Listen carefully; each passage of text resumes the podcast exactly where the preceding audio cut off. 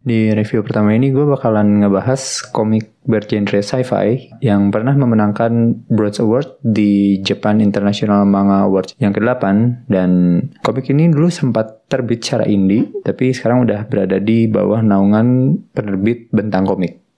Ya, komik yang akan gue bahas ini adalah komik berjudul Only Human karya Muklis Nur.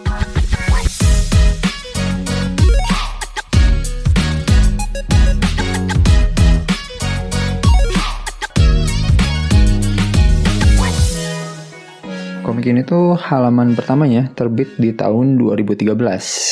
Ya, halaman, bukan chapter, bukan volume. Jadi komik ini tuh terbitnya berupa lembaran gitu. Gila, lembaran mushaf kali. Ya, maksudnya per halaman gitu. Ya dengar-dengar sih katanya dulu ini adalah keisengan antar beberapa komikus saja. Jadi mereka melakukan challenge untuk ngeposting dua halaman per minggu. Dan waktu itu Muklis Nur pakai Comic Only Human ini buat ngejalanin challenge tersebut.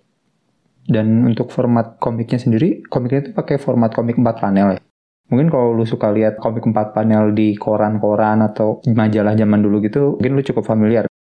Atau mungkin kalau lu pernah baca komik Jepang yang judulnya Keon, nah komiknya tuh formatnya mirip kayak gitu.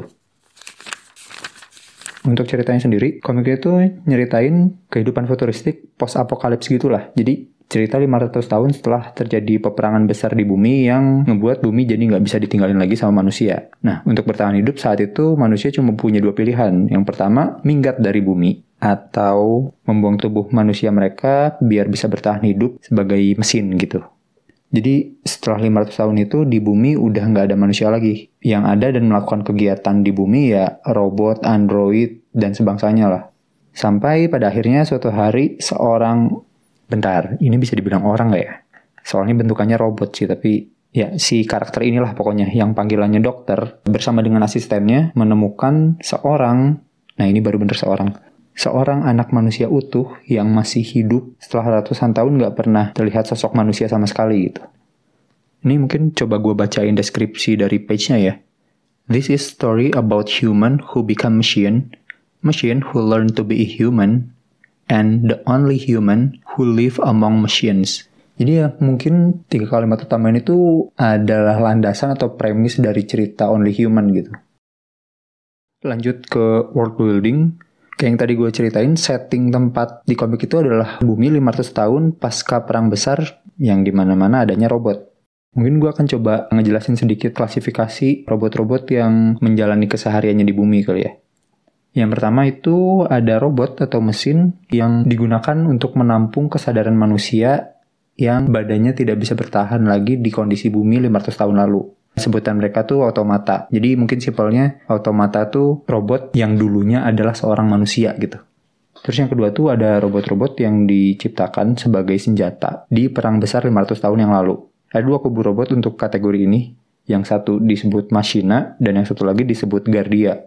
Ya ibaratnya mereka tuh kayak kucing dan anjing lah gitu kalau ketemu. Terus yang terakhir ada juga robot-robot yang dibuat setelah perang berakhir dan kebanyakan robot-robot itu dibuat atau diproduksi oleh pabrik yang disebut Mother. Terus berpindah ke karakter, di komik itu ada tiga karakter yang sering jadi sorotan utama yang kayaknya merepresentasikan tiga kalimat narasi yang tadi sempat gue bacain. Yang pertama ada dokter. Dia tuh manusia yang memilih untuk menjadi robot atau otomata demi bisa bertahan hidup di bumi yang kedua itu Yurika. Dia itu Mashina yang bisa dibilang sering penasaran sama kelakuan dan apa yang dirasain sama manusia gitu. Terus yang terakhir ada Eli. Hmm, gue nggak tahu sih ini sebenarnya disebutnya Eli atau Eli gimana tapi karena kreatornya Indonesia, gue cukup yakin sebutannya Eli sih. Tapi mohon maaf kalau salah. Jadi Eli itu seorang manusia the only human yang baru tersadar dari tidur panjangnya dan harus berusaha untuk hidup di dunia yang isinya cuma ada robot. Ya, menurut gue pribadi komik ini tuh cukup unik ya, mulai dari judul aja. Only Human. Sebenarnya menurut gue kata-kata only human tuh tidak memberikan kesan yang gimana-gimana ya, mentok-mentoknya kesan galau lah, hanya seorang manusia gitu. Tapi Muklis Nur ini bisa membuat kata only human itu menjadi sesuatu yang berbeda dengan universe yang dia kasih gitu. Ya saat di mana manusia jadi langka. Mungkin sama kayak kalau lu nonton atau baca cerita tentang dinosaurus atau mamut gitu. Menurut gue kata mamut dan dinosaurus itu udah cukup menarik. Soalnya di kepala gue dua hal itu dua hal yang langka dan bahkan nggak ada. Jadi ngebuat gue langsung kepikiran gimana cara mereka bertahan hidup, gimana cara mereka berinteraksi dan sebagainya lah. Nah, buat gue Muklis Nur ini berhasil ngebuat kata only human itu jadi punya kesan kayak gitu. Kata manusia yang dikasih setting dan tempat tuh seperti itu langsung ngebuat gue mikir banyak hal gitu. Ya bagaimana cara dia hidup, gimana masa depan dia, atau apakah pada akhirnya dia akan tetap punah gitu kan. Terus lanjut ke penyajian komiknya yang menggunakan format komik empat panel.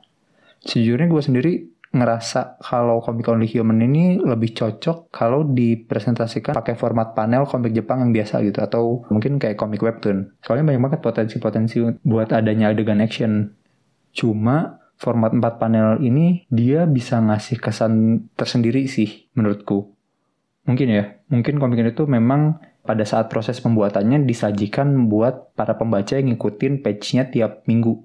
Jadi punchline tiap halamannya menurut gue lebih kerasa gitu ya gue bukan profesional atau praktisi komik jadi correct me if I'm wrong cuma katanya sebuah komik itu bagusnya di dalam satu volume dia punya ada satu chapter utamanya gitu terus di tiap chapter itu baiknya ada satu halaman utamanya dan di tiap halaman bagusnya ada satu panel utamanya gitu nah menurut gue komik Only Human itu berhasil ngebikin hal itu bahkan sampai ke tiap halamannya gitu Ya mungkin kalau lu familiar dengan komik 4 panel kan biasanya dia ngasih punchline di panel keempat gitu. Nah ini mungkin karena dilakukan dengan teknik seperti itu jadi lebih berasa aja ada panel utama di tiap halamannya gitu. Cuma memang kalau untuk dibahas yang kurang serapnya mungkin eh, nggak banyak sih. Cuma menurut gue ada beberapa halaman yang kadang berasa rada loncat aja gitu. Jadi kayak di panel terakhir sebelumnya sedang ngebahas apa dan di mana, begitu di halaman selanjutnya di panel satunya udah berada di tempat yang sama sekali berbeda gitu. Ya sebenarnya masih fine-fine aja sih, cuma ya coba pendapat gue aja. Kalau dari segi penceritaan sendiri sih, gue ngerasa cukup enak ya. Setelah gue baca dua volume, gue sadar ternyata karakternya cukup banyak ya, dan ditambah lagi dengan universe-nya yang kompleks, dia kan harus ngejelasin dunia tempat tinggalnya, sejarahnya, aturan dunianya kayak gimana gitu kan. Ya, walaupun sebanyak itu yang harus dia jelasin, tapi dia masih bisa ngebuat konflik yang cukup menarik gitu di sepanjang cerita berjalan gitu. Jadi nggak cuma penjelasan-penjelasan doang, nggak ngebosenin lah pokoknya. Terus untuk karakter, menurut gue konsep karakter di komik ini tuh udah keren gitu. Oke, background, perwatakan, ya semuanya cukup oke okay lah. Cuma emang kalau menurut gue pribadi, kalau boleh berpendapat yang sedikit kurang sih di bagian perkembangan karakternya mungkin ya. Ya memang sih, mungkin karena baru dua volume jadi masih belum terlalu kelihatan aja. Cuma gue nangkep kayak ada kesan ingin menunjukkan perubahan seorang karakter gitu. Terutama pada karakter si dokter. Di komik tuh beberapa kali disebutin kalau si dokter tuh sifatnya berubah habis ketemu Ellie. Cuma yang jadi masalah adalah dokter yang kita kenal, yang gua kenal dari chapter 1 sampai 10 itu ya dokter yang udah ketemu Ellie gitu. Jadi sejujurnya secara visualisasi gue nggak begitu nangkep tuh perubahan si dokter yang beberapa kali sempat disebut di komik gitu. Terus ada satu hal lagi sih yang ingin gue pertanyakan, sebenarnya nggak penting tapi pengen gue bahas aja. yang pertama tuh lagi-lagi ada di karakter si dokter. Jadi kan si dokter itu digambarin suka ngerokok ya. Ya gue nggak tahu itu mungkin buat gimmick atau apa gitu. Cuma di salah satu chapter tuh sempat disebutin kalau si dokter udah nggak punya indera perasa. Jadi sebenarnya gue cukup mempertanyakan apa yang dicari si dokter dengan ngerokok itu gitu. Uh, walaupun memang ya bisa jadi karena memang lebih ke habit aja kan. Terus yang kedua, ngerokok kan ada terus ya. Nah, berarti kan harus ada yang produksi. Apakah dia punya alat produksi rokok sendiri atau beli dari tempat lain? Nah, misalnya kalau dia beli dari tempat lain, siapa gitu yang produksi? Dan saya si dokter siapa lagi yang beli? Ya selama dua volume ini sih gue belum melihat ya ada robot asongan yang nawarin rokok kayak pedagang di bus-bus gitu. Sorry bercanda itu tapi kalau soal rokok ini belum dibahas di komik gue bakal tetap penasaran sih tapi overall gue suka konsep karakter di komik ini terutama si dokter ya walaupun tadi sempat gue mention beberapa hal tentang dokter tapi itu nggak seberapa dibanding si dokter yang sebagai whole karakter gitu Bahkan gue sempat lihat di dua atau tiga event pop culture ada orang yang cosplay jadi si dokter di Only Human ini.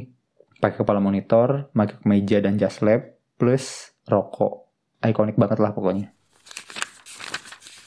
Jadi menurut gue pribadi komik ini tuh komik yang kualitasnya oke okay, dan cukup sayang kalau lu lewatin gitu aja. Hal yang paling gue suka di komik ini tuh konsep karakter dan universe-nya ya. Selalu sih karya-karya Muklis Nur tuh buat gue konsep artnya jago banget lah. Gue gak tahu komik Only Human ini ceritanya udah full dari awal sampai akhir atau enggak. Cuma gue rasa konsep universe-nya udah firm banget. Bahkan ada beberapa side story di page-nya yang pakai universe yang sama gitu kayak kayak short story-nya Star Child atau light novel Everyday Adventure yang ditulis sama Arif Rahman. Cuma emang sayangnya saat episode podcast ini dibuat, komik Only Human terpantau sudah hiatus lebih dari lima tahun. Ya, gue gak tau sih karena masalah apa, tapi kalau gue boleh berharap sih gue masih pengen banget baca lanjutan komik ini sampai tamat. Dan masih banyak hal-hal yang menurut gue cukup menarik untuk dibahas gitu terutama soal rokok ya. Terus kalau lu belum baca dan tertarik sama komik ini, lu bisa ngecek di page Facebooknya. Kalau nggak salah, volume satunya itu full di post di situ. Atau kalau lu mau beli komiknya juga, tadi gua ngecek di publishernya sampai volume 2 itu masih ada. Dan yang paling penting, kalau lu mau dukung komikusnya, lu bisa lu bisa kunjungin dan jadi patron di Patreonnya Sinlair. Nanti link-link yang gue sebutin tadi bakal gue taruh di deskripsi gue pribadi suka banget sama konsep-konsep artnya beliau. Atau ya bisa lu follow medsos dan share-share karyanya dia lah. Share lo ya. Awas lo bukan repost yang tidak bertanggung jawab. Mungkin sekian dulu untuk review komik pertama gue dukung terus perkomikan Indonesia bukan hanya karena nasionalitas tapi juga karena kualitas. Sampai ketemu lagi di review komik berikutnya. Dadah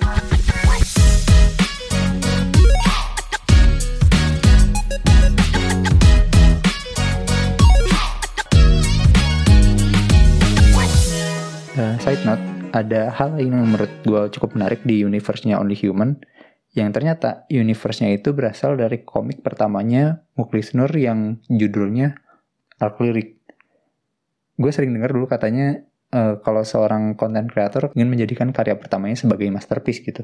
Dan menurut gue kalau memang itu tujuannya, gue rasa komik dengan universe-nya Only Human ini punya potensi sih untuk bisa mewujudkan itu.